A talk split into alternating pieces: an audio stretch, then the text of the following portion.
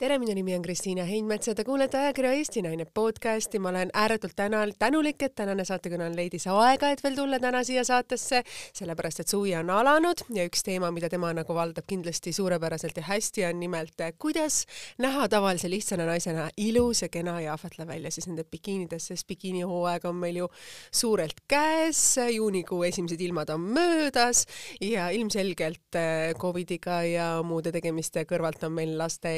emadena naistena, naistena keeruline leida võib-olla seda aega, siis ma prooviksin, kuidas öelda siis äh, leida selle võtme sinna naise sisse, et anda teada, et mida siis meie lihtsalt naised peaksime oma elustiilis muutma, mida me peaksime tegema, mis oleks see, mis hoiaks meid äh, positiivselt äh, energias nii füüsiliselt kui vaimselt kui ka sisemiselt tasakaalus, mis on need tema võtmed, sest ilmselgelt kui teda nagu vaadata, siis temal, temal peaks olema justkui kõik nagu tasakaalus ja imeline. ja ma ei ole tänase saatekülalisega väga palju elus kokku puutunud, ainult mõned põgusad korrad võib-olla, aga paar nädalat tagasi, kui me sattusime ühele vastuvõtule, kus ta tegi siis selle ürituse avasõnad ja mul oli selline erakordselt hea tunne pärast seda, neid ava, ava, avakõnesõnu siis, sest see positiivsus, see energia, see sära, mis on selle naise silmades, on, kuidas öelda, mõnes mõttes oli nakkav, et sinna minnes oli mul võib-olla selline veidi melanhoolne, nostalgiline tunne, aga kuulates tema kõne ja seda positiivsust, siis see muutis minus äh,, kuidas öelda, emotsiooniga palju säravamaks ja päikselisemaks, nagu võiksid nad olla igapäevaselt. nii et me tänase saatega siis proovime leida selle võtme, selle retsepti, kuidas näha välja välja seda energiat, kuidas hoida seda energiat ja mismoodi siis seda, mis on siis tema see sala, saladuse võti või need nipid ja trikid, mis ta siis, mis on mõnes mõttes ka tema elustiil, tema töö, tema hobi, tema armastus ja võib öelda ka kogu tema elu. nii et tere tulemast, Egle Eller-Nabi! aitäh sulle nii äh, piduliku sissejuhatuse eest vaevalt, et ta nüüd pidulik oli, aga noh, täpselt nii see ju tegelikult oli, et suured-suured tänud sulle. et üks paar nädalat tagasi me ju tegelikult alles põgusalt või selline suuremalt nagu hakkasime vestlema ja suhtlema ja äh, kui mõelda, kui palju meil on ju emadena vaja teha, kasvõi see, et sa helistasid mulle, Kristiina, ma vabandan, meil on täna suur hommik siin Pirital, ma jään hiljaks, et et noh, see neid hetki on meil tegelikult väga palju ja siis leia see, et sa hingad korra välja et sa saad aru, et see, et sa istud siin ummikus praegu, et pole hullu, mitte midagi ei juhtu, võta rahulikult oma hetki, et kümme minutit hiljaks pole hullu, ma olen arvestanud sellega, et ma arvan, et kuidas sina neid olukordi lahendad, et jääda selliseks rahulikuks ja säravaks? No alati ei ole võimalik väga rahulikuks jääda, et äh, ongi see tempo täpselt äh,, täpselt nii, nagu sa kirjeldasid, et äh,, et meil on sellise naistena hästi palju erinevaid rolle. Äh,, ongi siis äh, ema, abikaasa äh,, siis me tahame ennast teostada ja siis meil on vajagi mõelda selle peale, et okei okay,, et äh, kuidas siis äh, rannavormi saada. Ja samas ongi, et, et ja siis see pidev tasakaalu otsimine, et äh, ma ei saa, ma ei saaks öelda, et ma väidaks, et ma olen kogu aeg tasakaalus, aga ma tegelen sellega selles suhtes ja ma aktsepteeringi seda, et äh, kõik hetked ongi erinevad ja ma võingi tunda ennast erinevalt ja ma võin ka ärrituda, et noh, vastasel juhul mul naisena oleks väga äh, keeruline juba teatud äh, perioodidel kuus äh, olla, et aga, aga võib-olla see ongi, hästi tihti tulebki endale meelde tuletada, vähemalt minule, et, äh, et ma olen, ma olen lihtsalt inimene ja ma väga tihti kasutangi seda lauset ka teiste, teistele naistele, kui täpselt sama situatsioon äh, on, et kõigis, mul on see, mul on teine, ma, ma, ma olen hilinemas, ma olen, tead, sa oled lihtsalt inimene, see on normaalne kui, kui kaua on sinul võtnud aega, ütleme sellest, et aru saada, et sa oled kõigest inimene, meil kõigil juhtub, me peame olema, kuidas öelda, andestavamad ja tolerantsemad teiste inimese suhtes ja eeldama ka, et teised inimesed suhtuvad meisse tolerantsemalt, sest tegelikult sellist nagu ärategemist või halvasti ütlemist, et kui sa eksid milleski, siis see on pigem nagu, ma olen, kohtan seda Eestis kordades rohkem kui seda, et keegi ütleks mulle hästi või ta näeb, et ma eksin, et ta tuleks mulle appi, et pigem ma eeldan ja pigem on need situatsioonid, et sa eksid milleski, siis sulle tahetakse tahetakse, kuidas öelda, koht kätte näidata mm. -hmm. tead, mina olen sellist asja tähele pannud enda elus vähemalt, et äh, et kui ma ise olen tasakaalust väljas ja ma iseendale ei andesta äh, selles mõttes äh, iseenda eksimusi, et ma olen ka oma loomult äh, väga nõudlik enda asjade suhtes ja mõned, mul on niimoodi, et hästi huvitav, et mõned asjad, kus ma olen hästi perfektsionist ja teistes asjades ma tunnen, et noh, et pole hullu, et siin äh, seda, ma ei tea, aasta ema tiitlit võib-olla ei tulnud, et, et ei saa igas valdkonnas äh, nagu sellist maksimumi endalt oodata. aga ma panen tähele, et kui on need hetked, kui ma tunnengi, et ma olen iseenda suhtes kriitiline, ma olen väsinud, mul on võib-olla olnud palju tööd äh,, siis need on needsamad hetked, kui ma panen tähele, kui justkui nagu tuleks nagu teistele, teistelt inimestelt ka minule rohkem kriitikat äh, ja ma ise mõtlen, et, äh, et mulle tundub, et ma lihtsalt äh, nendel hetkedel olen kõigele vastuvõtlik ja, ja hetkedel, kui ma siis iseendaga olen, olen tasakaalus, ma olen välja puhanud, ma olengi see tasakaalus naine siis äh, ka minu eksimustel ma, ma nagu ei tunneta sellist nagu väljaspoolt äh, mitte mingisugust kriitikat, et äh, see on väga hea tähelepanek tegelikult, et sa, kui sa oled endaga rahulolus, siis sa ei pane seda kriitikat võib-olla nii palju negatiivsust mm -hmm. tähele, aga ilmselgelt seda virvarri ja seda tasakaalu otsimist on võib-olla meil ka väga palju, et siis tõesti sa oled vastuvõtlikum igasuguse väiksegi negatiivse hetke või sõna või emotsiooni üle. ja et täpselt nii on, et, et ma ikkagi, mulle meeldib inimestele ka meelde tuletada iseendale, et me saame täpselt seda, mida me laseme endale juhtuda e, ja öelda, et on hetki, kui noh, ongi, sa ei pane tähele, sul ei lähe isegi korda, mida keegi arvab, mida mõtleb ja on hetki, kui keegi ainult üks koma lauses on kõige, kõige kohutavam asi, mida saab su elus olla. mida ta huvitav sellega mõtleb. Ja, ja see juba omakorda paneb selle ratta e, kõik edasi käima, et jah, et e, ma alati mõtlen, et kui hakkab tulema neid negatiivseid situatsioone, siis ma alati mõtlen, nüüd on aeg puhata et, et, et neid korra. kas sa oled teinud endale mingisuguse kindla paberi, kuhu peale sa oled pannud eh, teatud reeglid või teatud asjad või mida, mis hoiavad sind tasakaalus või mida sa jälgid või et ma tean, et Eva-Maria Kangro meie esimeses saadetes ütles, et tal on nagu väga hea reegel, et mis oli see kolm sammu või mida ta oli, et ta mõtles see viie minuti reegel, et ta kogub iga päeva, vii-, jah, viie minuti reegel oli see, ta nimetas nagu seda, et ta leiab iga päev vähemalt kolm positiivset hetke oma elus või rohkem neid või mingi, võtab mingisuguse hetke või emotsiooni ja siis õhtul mõtleb, mis sul oli head sellel päeval. Ja kõik, mis oli halb, proovime jätta eemale, kõik, mis oli hea, selle sa jätad nagu alles, et noh, näiteks, et siin ma sõidan mööda Pirita teed, vaatan, et noh, need lained, suur torm on, aga need lained on nii imeilusad mm, -hmm. et just sellises negatiivsuses näha positiivset. kas sa oled ka endale mingisuguse sellise noh, sellise listi või sellise asja teinud? mul on äh, äh, näiteks selline hommikutraditsioon, et ma täidan äh,, mul täi-, mul on selline oma mm, päevik, mida ma täidan ja peale seda mulle meeldib hommikuti kas mediteerida või hästi lühikene jooga teha, et kui palju sa enda jaoks hommikuti võtad tavaliselt aega? Mul on vaja vähemalt kolmkümmend minutit mm, -hmm. et äh, ja pikemalt. sa ärkad ennem lapsi, sa võtad selle aja, see on sinu aeg ja siis sa tunned, et sa saad olla ema, abikaasa ja kõik muud ja. rollid mul on seda alati vaja, et, et ma pean ärkama enne teisi, et äh, mul lihtsalt meeldib, see mu päev on hoopis teistsugune äh,. ma natuke kas mediteerin, käin külma duši all, see on nagu hooajati on tegelikult äh, erinev, ma tunnen, et mu keha soovib erinevaid asju äh,. kolm korda nädalas näiteks ma teengi lühi-, kasvõi lühikese jooga, mul ei olegi pikalt aega äh, ja siis ma täidan sellise nii-öelda päevaplaani, et mulle meeldib kirjutada asju, mille üle ma olen tänulik, tavaliselt kolm asja, ja siis põhiasjad, mis mul on selles päevas olulised, et et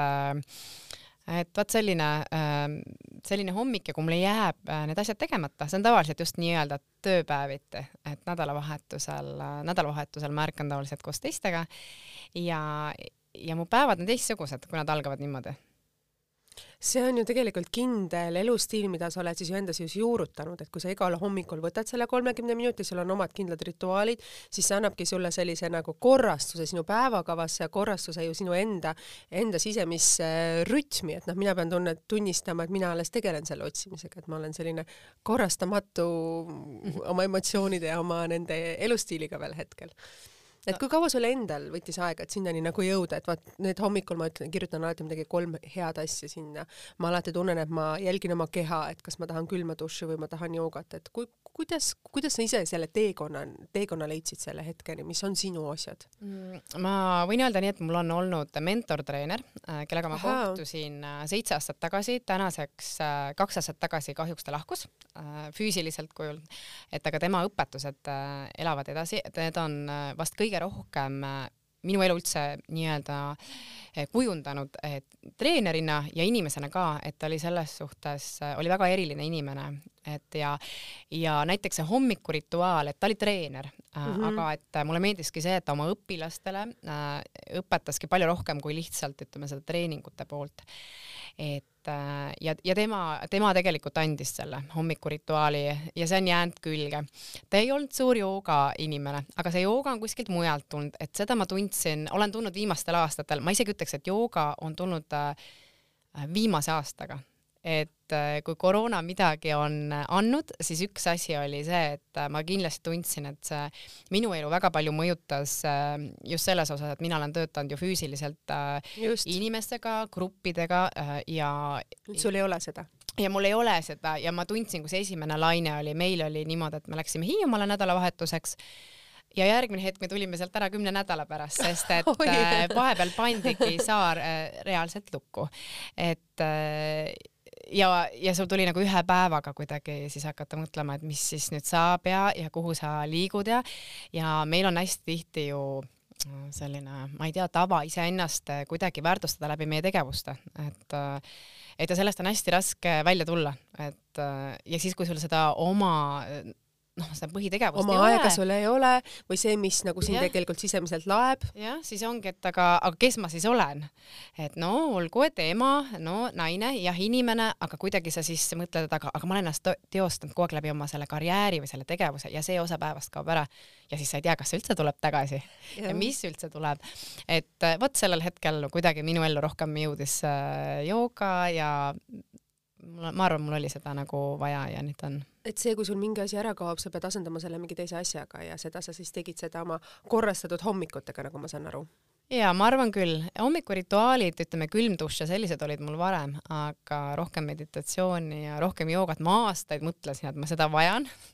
ja kohe ma hakkan sellega tegelema. mul õde on joogatreener ja, ja naersin, et noh, et me koht-, noh, kohtume igal pool mujal, aga joogamatil väga harva aga ja õnneks äh, nüüd kujunes osaks, ma tegelikult äh, sellel aastal äh, tegin sellise challenge'i läbi online'i, body mind challenge ja ma alati naeran, et kõik need challenge'id, küll on bikiinivormi challenge, küll on mingi muu, et ma teen alati endale. Seda, mida mul vaja on. ja ma tegingi body mind suunaga, kus oli sees jooga ja meditatsioon. Ja ma pidin selle ise ka see kõik tegema. Ja see jäi mulle veel hästi tugevalt režiimi külge sellest seda on rõõm kuulda, aga läheme tagasi selle detaili juurde, et kui koroona hakkas, siis aastapäevad tagasi või natuke rohkem kui aasta tagasi, sa jäid Hiiumaale jutumärkides siis mm -hmm. lõksu, sest faar pandi lukku, lihtsalt mm -hmm. konkreetselt võtmega keerati mm -hmm. põhimõtteliselt lukku, seda juhtus ju paljudega. aga tegelikult sa oled ju Hiiumaa tüdruk, sa oled ju Kärdlast pärit, et äh, hakkame siis otsast peale, nagu me iga saade teeme, hakkame lapsepõlvest peale, et kuidas sa sattusid Tallinnasse ja milline oli sinu lapsepõlv võrreldes nüüd ütleme selle Tallinna eluga ja võib-olla nüüd vaadates oma laste elu võrreldes sellega mm, nagu sellel, võib öelda sellise, läbi sellise prisma? Äh, jaa, ma olen Hiiumaa tüdruk, äh, Kärdlas, äh, Kärdlas kasvanud, et ähm, no Hiiumaa mõistes linnatüdruk, aga Tallinna mõistes ikkagi täiesti maatüdruk, et saarel ja looduses kasvanud ja põhimõtteliselt no televiisori osa oli väga väike, väga sportlikult olen ma kasvanud, et väga palju erinevate aladega tegelenud et äh, ka klaver, tegelikult muusikakooli isegi lõpetanud et äh, selles suhtes äh, väga palju erinevaid hobisid, kuna tänapäeval on seda arvutit, telekat palju rohkem, tol ajal ei olnud, et siis, siis tegelesid nendega, mida sellel saarel nagu nii-öelda pakkuda oli. ja äh, üks aasta olin vahetusõpilane Venezuelas äh, ja, ja peale seda siis tulin Tallinnasse ülikooli ja mis on su esimesed emotsioonid sellest, et sa ikkagi tuled ju maalt, äh, Venezuela oli midagi kardinaalselt mhm. teistmoodi mm, -hmm. sealt kindlasti maandudes Tallinnasse oli vaatepilt äh,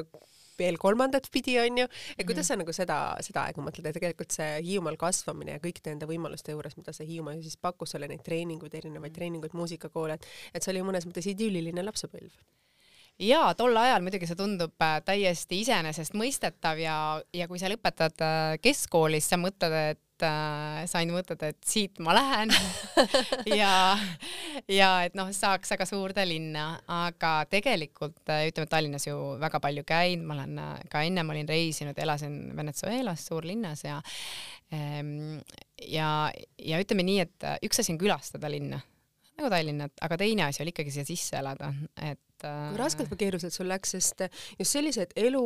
kuidas öelda siis elukohaga või elustiiliga või siis selliste elukorraldusega muutused on need, mis muudavad ju tegelikult meid naistena kõige rohkem, et kindlasti sa ei olnud enam see tütarlaps, kes oli seal Hiiumaal, tulles Tallinnasse, sa pidid muutuma hästi kiire perioodi jooksul väga uue tee leidma. jaa, eh, tegelikult oligi, kui ma pidin siia siia päriselt elama tulema ülikooli, et kõik oli põnev, aga siis ma tundsin, kuidas ma tegelikult igatsen Hiiumaad. et äh, mu esimene elukoht oli Narva maanteel ja ma ennem olin ju elanud Kärdlas, kus äh, ainuke hääl, mis sa kuuled, äh, vähemalt meie maja ümber oli linnu olid linnud, aga, aga siin oli väga palju müra ja, ja siis sa seda kõike hakkad igatsema, seda merd ja seda, seda loodust. aga mingi hetk sa harjud ära, et äh, ülikoolis äh,, ülikoolis tuli käia ja see oli oma, omakorda nagu tore aeg, aga harjumine tõepoolest äh, oli, oli see, mis äh, võttis aega ja tegelikult siiamaani ma ütlen, et ma elan Tallinnas aga mu kodu on ikkagi Hiiumaal. et, äh, et me käime nii tihti kui võimalik Hiiumaal ja mõned küsivad, kuidas sa viitsid minna, et neli tundi sinna, neli tundi tagasi, tegelikult on ainult nädalavahetus, ma ütlen, et jah, aga ei ole neli tundi. sa sõidad Tallinna piirini, siis sealt hakkab Hiiumaa et see on nagu omaette rituaal juba sinna minek ja seal olek ja, ja noh, väga huvitavalt sa ütled, et Tallinna piir lõpeb ära, linn lõpeb ära ja nüüd hakkab sõit maale, et sealt hakkab Hiiumaa, ma ei ole sellist kontseptsiooni kunagi veel kuulnud. ja see on, see on, see on kogu, inimesed mõtlevad, aga see autosõit ja siis see praamisõit, see on kõik üks osa nagu juba Hiiumaast. aga see on väga hea, et sa paned nagu selle äh, selles ühte ossa, sest ilmselgelt, kui sa mõtled, et oh my god, vabandust, et ma nüüd mm. ingliskeelset sõna kasutan, et et issand, et see sõit sinna, et kõik see aeg, mis ma pean ära kannatama, et ma saaksin uuesti autost välja tulla, aga võtta see ka samamoodi nagu, kuidas öelda, selle Hiiumaa osaks, siis on ju seda hoopis teistmoodi, sa vaatad ju selle asja peale. jaa, meile omamoodi meeldib perega, see ongi, kõik on ühes autos ja mis on teie traditsioonid seal autos, sest see sõit on ju tõesti pikk ja mida te seal praami peal teete, see on ju poolteist tundi sõit seal sinna. issand, see läheb nii kiiresti tegelikult. mis te teete selle ajaga? Aga teil on ju kaks last, kes ilmselgelt togivad ja nügivad ja siis üks teeb häält ja teine teeb häält ja kas te, vabandust väljendusest, ma niimoodi ütlen, kas te ise nagu ei tunne, et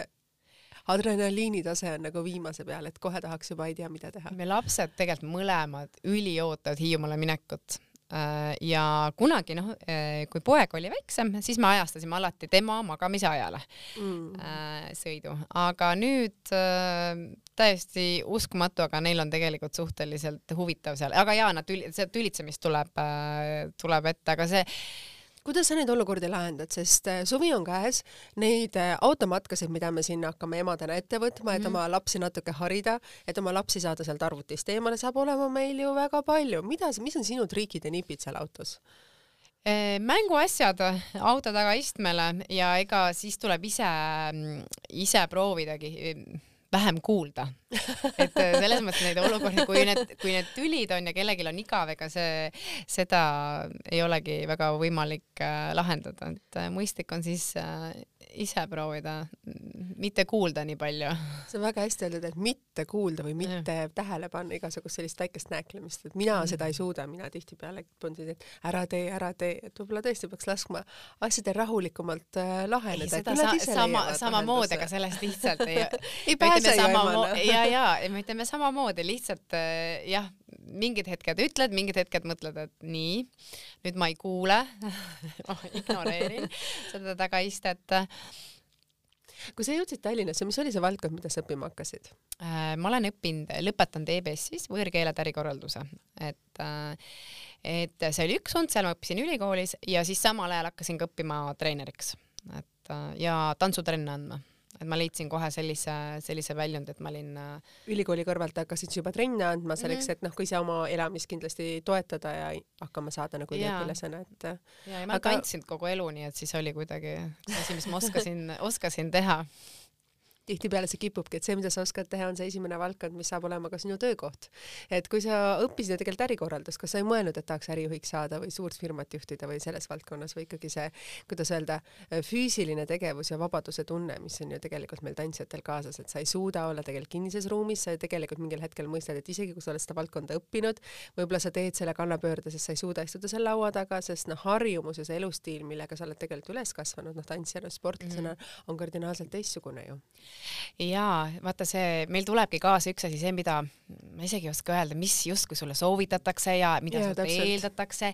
ja, ja suured koolid on vaja ära lõpetada ja siis sinna saada ja sinna saada ja lõpuks ega ongi väga raske aru saada, mis sa lõpuks ise ka tahad. et äh, mina olen töötanud, olen ka olnud kontoritööl, et tegelikult ma selle lõpliku otsuse julgesingi ära teha siis, kui mu äh, tütar sündis. et lihtsalt ajalistel põhjustel, sest ma sain aru, et mõlemat ma teha ei saa, ma ei saa õhtuti minna trenne enam andma ja, ja täna on see hetk siis ma tundsin, et äh, ja ka sattus ka fitness minu ellu, et äh, ma nägin seda karjäärina. Äh, eelnevalt ma ei olnud kunagi julgenud seda mõelda, et ma teengi sellise otsuse, et, et ma hakkan ainult trenne andma, et noh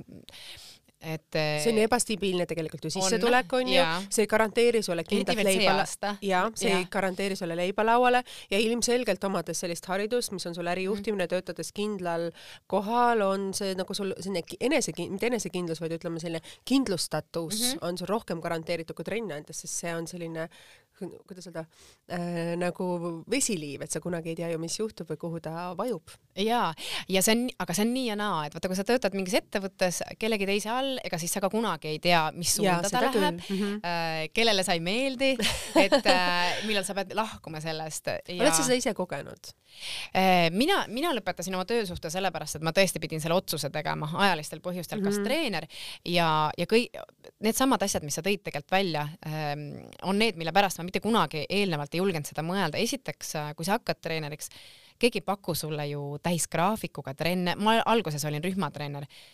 siis ma õppisin personaaltreeniks, sul ei ole seda klientuuri, et noh, kus ma need inimesed äh, leian. Ja hästi palju erinevaid mõtteid ja täpselt sama, et aga, aga äkki ma saan vigastuse. Äh, treenerid üldiselt äh, väga tihti on käsunduslepingutega näiteks spordiklubides, äh, spordiklubid mm -hmm. muudavad oma tunniplaane, mm, et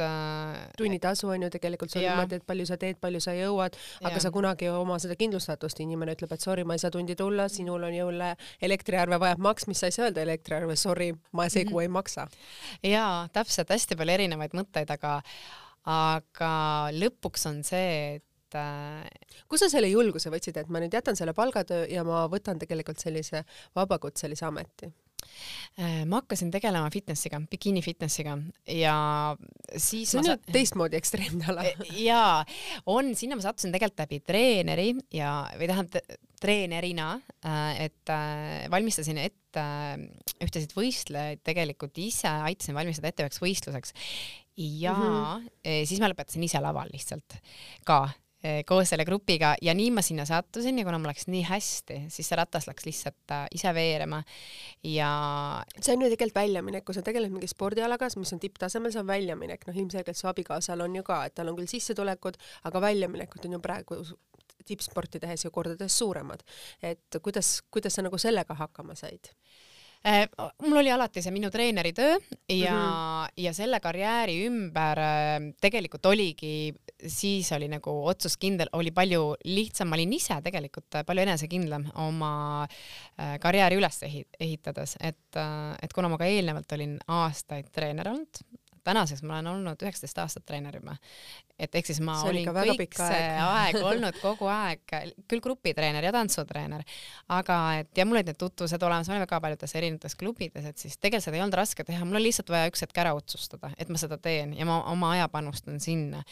ja ma harin ennast just selles osas, et, et muidu sa jooksed äh, kahe koha vahet, ega,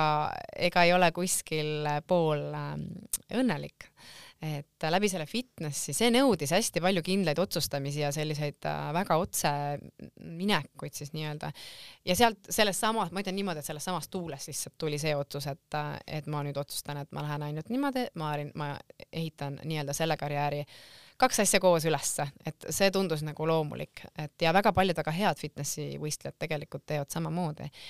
et, äh, et seda on samas tuules li, noh, lihtsam teha kas mõnes mõttes su abikaasa, sa oled ju abielus selles mõttes tippsportlasega. Mm, -hmm. kas tema tingis ka võib-olla selle toetuse, et sa saad hakkama ja et ta nagu inspireeris sind ka, et tee sellised valikud, mida sa ise soovid, sest noh, ilmselgelt see hirm selle eest, et sa kaotad töö või see hirm selle eest, et kui sul ei ole nüüd sissetulekut, et kuidas sa siis üksi hakkama saad või kuidas sa hakkama saad, et, kas võis olla ka selles asi või, või kuida- või kuidas, kuidas sa ise nagu hindad, sest noh, sind kuulates näitab, et see meeletu julgus ja enesekindlus, aga sa vajad alati ju mentorit või kedagi enda kõrvale, kes annaks sulle selle julguse, et sa julgeksid neid otsuseid teha ja tegelikult ongi, tema pealt ma olen hästi palju õppinud, esiteks seda, ma arvan, et ma ei oleks kunagi hakanud äh, vähemalt mitte nii palju tegelema selle bikiini fitnessiga. Sest et äh, kui su kõrval ei ole sportlikku inimest, siis üldse on äh, väga raske seda ideed kellelegi maha müüa nii-öelda. Ja elustiilid, kui on väga erinevad, et et siis on keeruline selle alaga tegeleda, seda esiteks, teiseks, mis ma tema pealt nägin, oli ka, tema oli hästi selline ja ta on siiamaani, et et tal on nagu üks eesmärk korraga ja, ja ta ainult mööda seda rada läheb. et üks fookus ja üks fookus ja, ja kõik teised elimineerid ära, ainult ühte suunda lähed. ja et, et see oskus on tal hästi suurepärane ja, ja siis ta siiamaani tuletab seda meelde, vaat mulle, kui, kui ta minu asju kuulab, ütleb, et et noh, et võta üks asi ja tema, tema tõepoolest teeb täiesti nii, et ta teeb ainult ühte asja, läheb ainult oma rada, täpselt nagu täpselt nii, nagu peab minema ja, ja see on kindlasti üks asi, mis, äh, mida ma olen tema pealt õppinud. Ja just seesama julgus, et äh, ükskõik äh, kelle teise jaoks see, mida sina teed, võib olla ääretult vale otsus, siis sa ei saa seda kuulata, et tegelikult me tunneme ära, mida me tahame teha, ma olen kogu aeg teadnud seda. aga, aga see, seesama, eks kõik lähedased siis ju lõpuks muretsevad su pärast, et, et noh, mis su kuidas sa elektriarvet maksad? no täpselt nii ja siis sa oled lõpuks ise ka selles segaduses, et aga sinnamaani, kui sa enda jaoks selle otsuse teed ära, ega siis lõpuks see on seesama, mis me ennem rääkisime, et kui ja. sina otsustad lõpuks ära, siis, siis see ka teiste arvamus sind enam ei mõjuta. nii kaua, kui sa ise ka ei tea eh, või ei julge seda otsust teha, siis sa kuuled ja analüüsid ja mõtled, mõtled kaasa nende inimestega, kes tegelikult ei ole sina ja nad tegelikult ei saagi sulle nõu anda. et, äh, sest nad ei teagi, mis saab sa oled alati öelnud, et tuleb olla iseendaga kontaktis ja kuulata iseennast ja teha seda, mis on sinu jaoks oluline. et see on ju ka omamoodi teekond olnud, et sinnani nagu jõuda. jaa, on küll et äh, et ma arvan, et äh, viimased, ma isegi arvan, et sellest ajast, kui mul esimene laps sündis, sellest ajast on hoopis teistsugune rada saanud alguse, et sealt ongi äh, ma isegi ei oska täpselt öelda, mis mind on äh, õpetanud, võib-olla seesama lastele omane mm, iseenda tahtmise läbi surumine ja ja, ja see muidugi sattus ka selle sportlase karjääri nii-öelda algusesse minule. et et, äh, et ma arvan, et selline viimased siis kümme-viis aastat on, äh, on see aeg, kus ma olen endale siis, ma ütlen niimoodi, et äh, rohkem meelde tuletanud, et, et ma teeks asju, mis minule endale on, on väga tähtsad ja mis võib-olla kellelegi teisele ei tähenda mitte midagi mina sain võib-olla selle julguse, kui ma nüüd kaasa räägin sulle oma tütrest, et kui tütar sündis, siis ma mõtlesin, kuidagi hakkasin nagu teistmoodi oma elu vaatama ja mõtlema, et milline ema ma tahaksin talle olla, milline eeskuju ma tahaksin olla, mis on need väärtused, mida ma talle tahan e-, edasi anda, sest noh, poisid on ühtemoodi, nemad peavad ikkagi meesteks kasvama, tegema ise valikuid mingil hetkel ja mehistuma selles mõttes ja võtma isast eeskuju. aga tütar on ju see, kes peab ikkagi emast võtma eeskuju, et siis ongi see, et sul on nagu sisemised küsimused, et, et milline ema sa siis nagu tahad olla just nagu tütre jaoks ja naisena nagu eeskuju. Et äh, samamoodi ka sina mainisid, et sa said samamoodi kümme aastat tütre emaks ja sa tegid samamoodi otsused, et võib-olla ma olen mõelnud, et kui me saame pojad, siis me armastame neid kuidagi nagu teistmoodi ja kui me saame tütred, siis me kuidagi kodeerime oma elu ümber, mõeldes sellised, millised naised me tegelikult ju siis olla tahame, sest see on see ju, mida me edasi anname oma tütardele. jaa, see on sul omamoodi hästi õige mõttekäik ja, ja see tõepoolest nagu ma tunnen ise ka, et see, see on kindlasti üks osa. ja üldse inimestel ma olen pannud tähele, et kui nad leiavad äh, ka, ma võin ka tuua kaalulangetuse, näiteks kui aga palun, ma hea meelega, kuidas saada sellest miinus, miinus kolm kilo veel nädala aja pärast? Et kui, kui nagu naised äh, tulevad vormiprogrammidesse, äh, ma olen lihtsalt pannud seda tähele, et äh, need naised, kes nagu mõtlevadki, et, et ma pean ka inspireerima tead oma pere, oma lapsi, nad võtavad hoopis teistsuguse suuna kui need, kes võib-olla kuidagi üritavad seda mõtet iseendale maha, äh, maha müüa ja see, mul on hästi tihti on niimoodi, et äh, naised tulevad vormiprogrammi, kogu pere saab äh, vormi, sellepärast et äh, need naised äh, inspireerivad lihtsalt kõiki, mul on nii hästi meeles just äh, hiljuti üks naine ütles, et tead äh,, Egle, ma nagu tunnen, et tead, ma vahel, ma äh, oh, ma mõtlen, et ma ei viitsi seda trenni teha, aga ma ei saa, mul läheb mees paksuks. et, äh, et mul mees on nii laisk, et äh, kui mina ei tee, siis tema ka ei tee. et, äh, et see on jah, nagu selline, meil on jah tihtilugu, me oleme nagu võib-olla me oleme teistsugused, kui me mõtleme, et me teeme mingil muul eesmärgil ja ke mõjutame kedagi teist, inspireerime kedagi teist, motiveerime kedagi teist ja see annab meile, annab meile rohkem nii-öelda jõudu käia seda rada, mida me oleme valinud sinu jutus võib praegu tähendada selles mõttes, et äh, pere peab tegema kõike koos. pere peab olema, kuidas öelda, inspireerima ja toetama üksteist, et sa just andsid teada, et see naine, tehes ise trenni, teab, et see inspireerib tema meest tegema nagu trenni, et nad on ikkagi üks tervik selles mõttes, et kui üks teeb, üks teeb ühte asja, teine teeb teist asja ja need kuidagi ei ühildu või need on teistmoodi, siis vist ega ei olegi ühis, ühisosa, nagu ma saan aru sinu jutust ja selles mõttes treeneri rollis, kui sa oled aastaid nagu jälginud ja vaadanud, et et ka sinul ju tegelikult oma abikaasaga, et ma olen kindel, et te teete tihti koos trenni, te käite koos trenni, ta mõistab seda, et sul on veel õhtul vaja minna kaheks tunniks trenni, sest sul on, ma ei tea, esinemine või võistlus või mingisugune muu asi või sa pead viimasel äh, hilisõhtuni tegema, andma trenni näiteks kellelegi oma, noh, ma ei tea, kuidas öelda siis, keda sa treenid näiteks, et ta nagu mõistab sinu seda elustiili ja sinu valikuid. ja see on hästi oluline, et äh, et tehakse ühte asja. ja et kui ka alguses ei ole äh,, ei ole nii-öelda see suund ühine äh,, siis äh, see võiks liikuda, et äh, kui me just räägime nendest tervislikest valikutest, et äh, et lihtsalt äh, kui üks üritab oma elu muuta ja just nagu positiivses mõttes tervislik, tervisliku suunas ja, ja teine liigub täiesti teise suunda või siis isegi proovib nii-öelda seda alla ähm,, alla tuua, ütleme siis neid, neid püüdlusi, et ükskõik, kas selleks on mees või naine, et siis äh, jube kahju. Või on, on lihtne käega lüüa, aga, aga see võib ka viia selliste vastuoludeni ja, ja, ja nagu siis suhte probleemideni, et, et kui üks, üks leiab ühe suuna ja ja teine teise, et, et see mis ei ühildu omavahel, mis ei ole nagu tasakaalus ja balansis, siis ju ka öelda, läheb tasakaalust ka suhe välja. jaa, et kui üks näiteks tema hobideks on äh, liikumine, spordi tegemine, teine mm, soovib oma vabal ajal äh, juua õlut, olla diivani peal, äh, et siis, siis ju on siin juba äh, vastuolu, et sa ei saa seda kvaliteetaega koos, koos veeta. aga milline ema sa oled oma lastele, et sul on kaks last, üks on kümneaastane tütar, teine on kolmeaastane poeg, et milline ema sa oled taha, et mis on nagu need reeglid, sa ütlesid ka seda, et kümme aastat tagasi sa väga muutusid, kui sa said emaks, aga mis on nagu need asjad olulised sul nagu emaks olemise juures? Ah,? see on päris raske küsimus oled sa midagi oma lapsepõlvest kaasa võtnud, sest noh, ilmselgelt see ajastu, kus meie kasvasime, oli kordades teistmoodi kui see ajastu, kus me täna kasvatame oma lapsi, et äh, on palju asju, mida me kindlasti saame sealt kaasa võtta, mis on fundamentaalsed ja need elukorralduslikud muudatused, mis meil täna on, et mis on nagu nendest asjadest olulised? no mina oma laste puhul, äh, ma olen alati mõelnud, et ma tahaks, et äh, no loomulikult ma tahaks, et nad oleks tervislikud ja sportlikud, et just ma näen ohtu selles, kuidas me järjest vähem liigume ja, ja see stress ja ütleme, see kõik see pinge, kiire tempo, mis, mis tuleb meie lastele peale ja kui me oleme vähe liikuvad, et, et just ter tervise seisukohalt ma pean seda väga oluliseks, et nad liiguksid ja teeksid trenni, see on üks asi. ja teine asi, ma väga tahaks, et nemad julgeksid oma otsuseid äh, teha nii nagu nad äh, tahavad teha, et olgu see karjäärivalik või midagi muud, äh, et, ähm, et nad tunneks ära selle, mida nad tahavad, et järjest rohkem on seda ja mu enda elus oli samamoodi mm, -hmm. et, äh, et kui sa lõpetad selle keskkooli, siis on justkui need asjad, mis sa nagu peaksid tegema, mis oleks vaja ja, ja siis on need asjad, mida sa tunned, et tegelikult ma tahaks neid teha, aga, aga see vastuolu ja, ja lõpuks ähm, noh, lõpuks ei julgegi neid iseenda otsuseid teha, et ma alati ütlen, et ma tahaks, et mu lapsed julgeksid oma otsuseid teha ja ma pean kindlasti mingis vanuses selle iseendale meelde tuletama, et äh, nemad peavad oma otsused ise tegema. sul on täismega kohe tütrel ees. ja et sellepärast ma räägin, et ma iseendale pean samamoodi, mm, kindlasti ta kuulab mu podcast'e ja ta ilusti tuletab need äh, asjad mulle meelde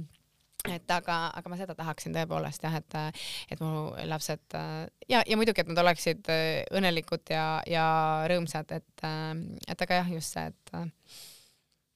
Sa oled nüüd jõudnud selle oma, kuidas öelda, tööalase karjääriga Confidosse see on ju omamoodi jälle teistmoodi valdkond, et sa just hetk tagasi, kui me siin kohvi tegime siia enne podcast'i tulekut, siis sa mainisid, et sa tulid Confidost, et teil on seal kiibid iga hetk nurga taga, no mis ilmselgelt on ju ravimi, ravimitega seotud asutus või siis ravimiasutus, et sa iga, iga nurga tagant pead ju kiipe siis panema, et mis on mõistetav, et kui me rääkisime siin hetk tagasi kiipidest ja asjadest, et kuidas sa nagu sinna valdkonda edasi liikusid, et see on küll, ütleme mõnes mõttes jätk, aga mõnes mõttes ka selline ähm, kuidas öelda, vähem treenimist ja rohkem sellist võib-olla kirjutamist ja muid alaseid kohustusi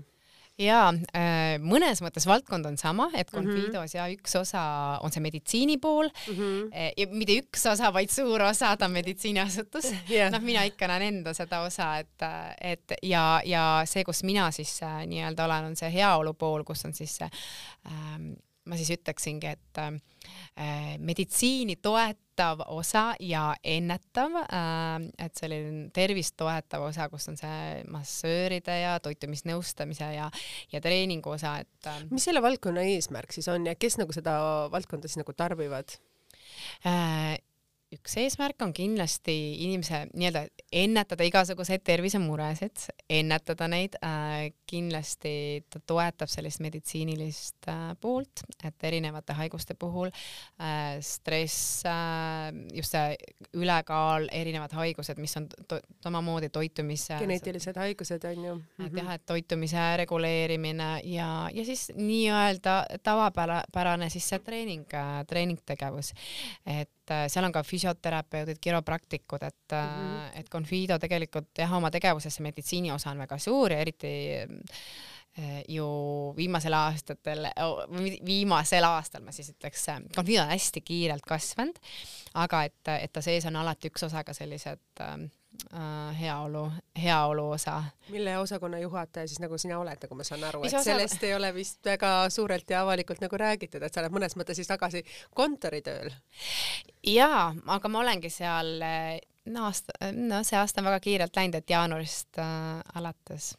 aa, no aga siis on ju alles, see on tõesti väga-väga värske uudis. kuidas sa nagu ennast nagu selles rollis äh, tunned, et sul on nagu vähem sellist treeneritööd kindlasti ja rohkem jälle tagasi sellisemal, kuidas öelda, ametlikumal tööl, kui võib öelda mõnes mõttes, et treeneritöös sa oled nagu vabam oma graafikutes, oma valikutes, siis see ikkagi nõuab sul mõnes mõttes kellast kellani tööd, aga samas on ka sul lapsed sellises vanuses, et sa vist saad seda nõndanimetatud endale lubada, emaks olemist ühildada siis ka sellise suurema tööalase koormusega. jaa äh ma ise näen, et see on hästi, mm, et ma saan seda teha, mis ma muidu tavapäraselt olen teinud, eesmärk siis inimeste nii-öelda äh, tervist toetada äh, palju suuremalt, et mm, -hmm. et läbi läbi Confido on, on võimalus jõuda palju, palju suurema osa inimesteni. et meil on ka selliste vormigrupid loodetavasti, kui nad nüüd sügis ja et, et sügisest uuesti ikkagi käima panna, et äh, et jah, et mõnes mõttes ma ise tunnen, et, äh, et see suund on sama, mis ma kogu aeg teen, aga juurde on jah, mõned valdkonnad nagu tulnud, et ma olen hästi-hästi äh, palju õppinud ja hästi kiiresti õppinud äh, viimaste kuude jooksul kuhu edasi siis selles mõttes, et mis on su nagu enda unistused või enda nagu teemad, kus sa tahaksid edasi, edasi jõuda? Ehm, üks asi, mis ma praegu veel, mille kallal ma töötan ja tegelikult ma olen aastaid töötanud, mul on selline enda siis Fitbodi treeningute, treeningute osa, kus siis ongi, me oleme teinud aastaid juba vormigruppe äh,. Tegelikult... mis on see vormigrupp täpselt? teeme see, defineerime selle sõna laia, sõna lahti, et mina ise ka väga seda, kuidas öelda, ei oska seda lahti seletada ehm, teate, paljud seostavad, muidugi kui ma nimetan seda vormigrupiks, siis seostatakse kaalulangetusega ja üks osa sellest mina ka ja üks osa tegelikult ongi väga paljud, kes tulevad, neil on eesmärk oma elustiili muuta mm. -hmm. Äh, mis sinna sisse käib siis kõik äh,? seal on siis äh, on, ongi tegelikult äh, kindlal ajal me alustame koos ühtse grupina. inimene annab ise oma eesmärgi, ei ole kõik kaalulangetajad, mõni soovib lihtsalt oma elustiili muuta, mõni soovib juurde võtta mõni soovib korrastada toitumist, et siis äh, koostatakse väga individuaalselt äh, äh, siis tavaliselt kolmeks kuuks nii-öelda plaan, et siis äh, toitumiskavad äh,, treeningkavad või siis liikumisplaan, kes ei taha otseselt äh, treenida äh,, on ühistreeningud iga nädal, need, kes on kaalulangetajad, neil on ka kaalumised. kuidas inimesed sellises programmis kinni peavad ja kui palju on sellist, ütleme, tahtejõudu inimestel, et nad suudaksid seda teha, sest noh, ilmselgelt me näeme, et äh, kõik need koroona ja need lockdown'id ju tegelikult mõjutavad meid ju ka just vaimselt selliselt, et kaob ära selline nagu entusiasm või tahe midagi teha, et kõik on nagunii ei tea, kuidas, et sellist negatiivsust tekib meisse inimestesse väga palju äh,. hästi huvitav on muidugi see, et need, kes juba sinna tulevad need on ülimotiveeritud, kes minu juurde ei jõua, jõuavad, nad juba kuidagi on valmis Nii... siis nad on selle tee, tee alguse juba enda jaoks teinud selgeks ja mõistavad seda. ja, ja tegelikult äh, siin on see võtmesõna on selles grupis, et äh, nagu me ennem rääkisime ka natuke, et äh, väga tihti tuleb ette seda ju keegi, keegi arvab, keegi pakub sulle kringlit, keegi teeb maha, et noh, mis sa nüüd teed, aga et selles grupis sa tegelikult leiad siis mentorlust, mentorlust.. jah, sa leiad samasugused inimesed, kes on täpselt sama eesmärgiga. et äh, ja, ja tegelikult ma alati kõigile räägin, et, et küsimus pole selles paaris kilos või siis äh, kas üles või alla, vaid äh, tegelikult see on kogu elu muutus. Ja see kajastub, see, milline see muutus on füüsiliselt, tegelikult ju mõjutab kogu elu enesetunnet, seda, kui palju sa saad keskenduda eh, ja, ja ei saagi vaadata ainult seda, et eh, seda toitumise poolt või siis seda treeningu poolt, vaid tuleb vaadata kogu seda elu tervikuna, et kellele mida, kellele mida on vaja. et eh, tõepoolest, et et stressitase on suur, siis sa tead nagu selle poolega tegeleda või siis rohkem suunata. et et mis on näiteks sinu nipp selles, kui on nagu väga suur stress, sest seda ma arvan ilmselgelt on väga paljudel väga palju, et pigem loodetakse, et nüüd suvel leida sellist natukene vabastamat režiimi ilma maskita käimist. meil on ju nüüd ilma maskita käimine jälle taaskord lubatud, et restoranid on lahti, kohvikud on lahti, et sa saad natukenegi sellist inimlikkust või normaal, normaalsust või normaalset elu endale lubada, et mis on nagu sinu enda sellised nagu nipid või asjad, et kuidas seda stressi maandada, et kui sa teed neid gruppe ja neid vormigruppe, et mida sa oled ise täheldanud või pannud tähele, mis mõjub? tegelikult äh, mõjub inimestega kohtumine, et äh, päris füüsiliselt inimestega kohtumine, rääkimine, naistel on vaja äh, oma nii-öelda päris ausalt naiste õhtuid, naiste koos viibimisi või naiste trenne, ükskõik, et tegelikult me tahame seda päris inimest, seda päris äh, kontakti. me ei taha üksi jääda, et tegelikult see ei sobi inimestele. ja teine ongi see liikumine, et äh, trenn äh, reaalselt muudab ka seda vaimset seisundit, et minu arust see on parim stressiravim üldse et isegi kui sa ei taha teha, ma olengi nõus, et kui seda motivatsiooni ei ole, siis äh, tegelikult alustadki kümnest, kahekümnest äh, minutist, et, et võib-olla sa saad jalutada, motiveerida ennast, mõtled äh, nii, kümne minuti kaugusel on see väike kohvik, ma lähen ostan sealt näiteks cappuccino ja ma mm -hmm. lähen mhm. jalutan sinna ja ma tulen sealt tagasi ja ma hakkan seda tegema, viin sisse selle traditsiooni. lõpuks ma jalutan kahekümne minuti kaugusele, siis ma leian kellegi, kellega koos jalutada. see on kõige lahedam, kui sa leiad endale sõbranna, kellega koos siis äh, liit-, meil on vormigruppi on hästi tihti tulnud äh, äh, üks ei julge tulla, aga ma ei tea, mind vist kardetakse, aga sõbrannana mm -hmm. või siis ema-tütar on käinud, eks ju et seda on palju, et, äh, et aga tõesti, et äh, üks parim. Äh, alusta väikestest asjadest, alusta väikeste detailidega ja võib-olla suurendad neid, võib-olla ei suurenda, võib-olla leiad midagi muud, et see on nagu sinu nipp, et aga ära jää koju nelja seina vahele, vaid mine välja ja hakka liikuma ja tegema. ja, ja et, et see on ülioluline, et lihtsalt see füüsiline liikumine, see on nagu teraapia, eriti kui sa lähed õue, ma tean, et öeldakse, et Eesti ilm, et aga tegelikult iga ilmaga, et see kümme minutit sa saad minna õue ja jalutada, see värske õhk, me ei veeda enam aega üldse värskes õhus, me ei saa seda, meil on vaja valgust tegelikult, seda päris naturaalset valgust, ükskõik kas sealt, kas see pilve taga see päike paistab või mitte, aga see on üks osa, mis on alati läbi sajandite meie elus olnud, meil on tegelikult vaja seda. meil on vaja päikeseenergiat, päikesevalgust, näha seda päikest ja, ja valgust. ja kui me ei näe seda ja ta on pilve taga, siis see on parem kui lihtsalt olla ka toas. et, äh, et äh, meil on vormigruppides nüüd, kui me neid tegime, neid online teel, need toimisid ülihästi hästi tegelikult. aga online'is ei ole ju seda kontakti, et kas sa nägid sa, et sellest jäi puudu, sest meil oli ju jälle väga pikalt olid ju sellised grupi kogusemised ju keelatud. ja äh, meil oli niimoodi, et meil olid, äh, meil olid ühistreeningud mm -hmm. nädalas üks kuni kaks korda, et ja muidugi on füüsiliselt hoopis midagi muud, aga see oli selles olukorras parim asi, mis üldse oli. Ja ma ei oleks seda ise ka uskunud, meil oli niimoodi, et meil oli üks ühine grupp, kus jagati pilte, kuidas keegi treenib, lapsed, koerad, et ei olnudki, sa pidid oma kodus treenima, et võib-olla mõnel oligi ühetoaline korter, aga ta kuidagi leidis selle kakskümmend, kolmkümmend minutit ja siis oli see ühis ühistreening veebis, me pärast tavaliselt vestlesime, et see oli minule oli ülivajalik minule endale. Et nagu ma ütlesin, need challenge'id ma tegin iseendale mm -hmm, ja mul on mm -hmm. nii hea meel, et, et, et suur osa naistest arvas, et need sobivad ka neile. See on ju imeline selles mõttes kuulata, aga sa räägid vaata kõikidest nendest tegemistest on ju, mida sa teed, aga sa oled ju ka selles mõttes tippsportlase abiga, see tähendab seda, et väga palju kodukohustusi, aga lapsed on ju suuremalt jaolt sinu õlgadel, sest kui tema keskendub sellele oma ühele eesmärgile, millest sa ütlesid, mida sa oled temast nagu õppinud, et kui sa fokusseerid ennast ühele asjale, siis sa elimineerid kõik asjad ära, aga noh, ilmselgelt on ju perioode, kus ta peab seda tegema ja see on kõik sinu õlul, et kuidas nagu sa sellega hakkama saad, kui kõik see koorem on sinu õlul, et tead, ma ei ole seda kunagi tundnud, et oleks, oleks minu õlul ta on ikkagi välislaagrites ja ta on ju kodust ära selles mõttes, et kui ja. ta on kontsentreeritud nendele suurvõistlustele ja nendele nagu läheb, et et sa pead ju kõik selle logistika, kõik selle ise nagu tegema, oma töö, oma, oma lastega ja kogu see olme on ju sinu peal. ja tõepoolest, kui sa praegu räägid, siis ongi, et viima-, meil on olnud ju viimane aasta selline, kus no, ei täpselt. ole olnud äh, treeninglaagreid äh, ja nüüd, nüüd hetkel just tuleb tagasi, oli hästi mm -hmm. lühikest aega ja läheb kolmeks nädalaks. et siis ma saan selle uuesti meelde tuletada, et, et, et tõesti praegu ma tunnen, et, et Heiki on hästi palju rohkem kodus olnud kui tavaliselt mm, -hmm. et tavaliselt mhm. jaanuaris hakkasid, hakkasid laagrid. et eks loomulikult see, kui on sellised pikemad laagrid, siis sa tunned, et sa kuidagi ennast seadistad täpselt selleks ajaks et sa võtad äh, ennast nii-öelda äh, kokku ja kui ja sa pead olema väga hea ajaplaneerija ja siis ongi nii, et sa hommikul, poiss oli väiksem, äh, laps kae,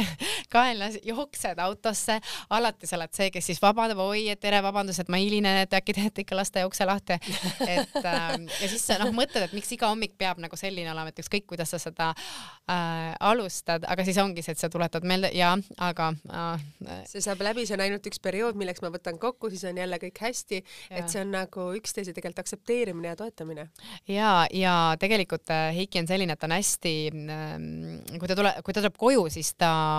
siis ta hästi palju võtab seda rolli üle, et. Äh, ta saab võtta ta seda, ta saab lubada endale rohkem puhkust, et sa saad rohkem oma aega oma asjadele keskenduda.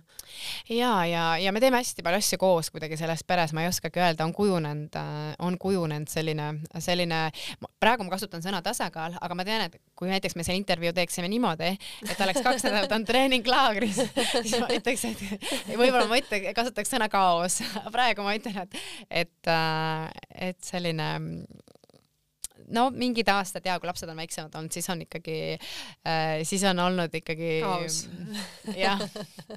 aga praegu on lihtsalt aasta selja taga olnud, kus on, kus on olnud teistsugune aasta, et äh, ja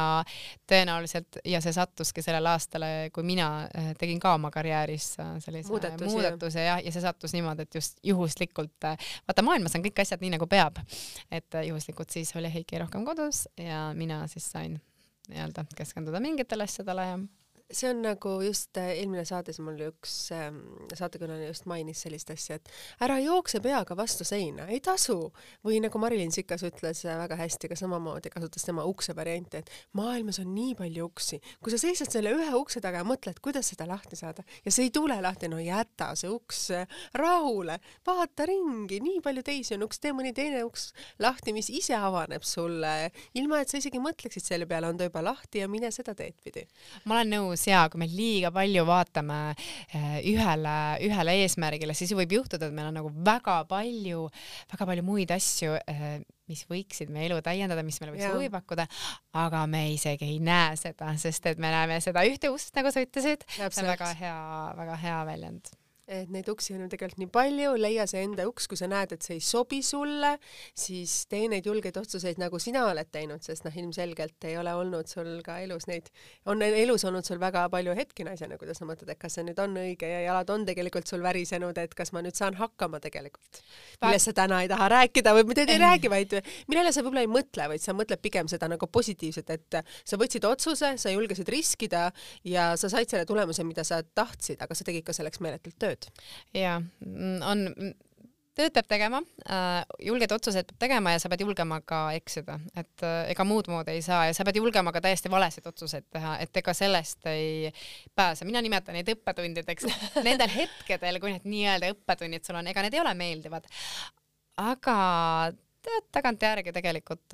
tagantjärgi need on kõik midagi andnud. see on sammukene edasi selleks, kellega, kelleks sa peaksid saama või kelleks sa ise tahad saada või mis annavad sulle, kuidas öelda, selle energia, et sa suudaksid või julgeksid teha järgmise sammu. ja, ja tead, me tänapäeval hästi palju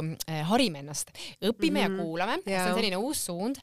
aga mis ära jääb, mis ma olen pannud tähele, see julgus tegelikult päriselt mingeid asju hakata tegema, sest me liiga palju mõtleme, et kas ikka tuleb, mis siis saab, et, et tegelikult tuleb mingeid asju hakata lihtsalt ühest otsast äh, tegema. Ja see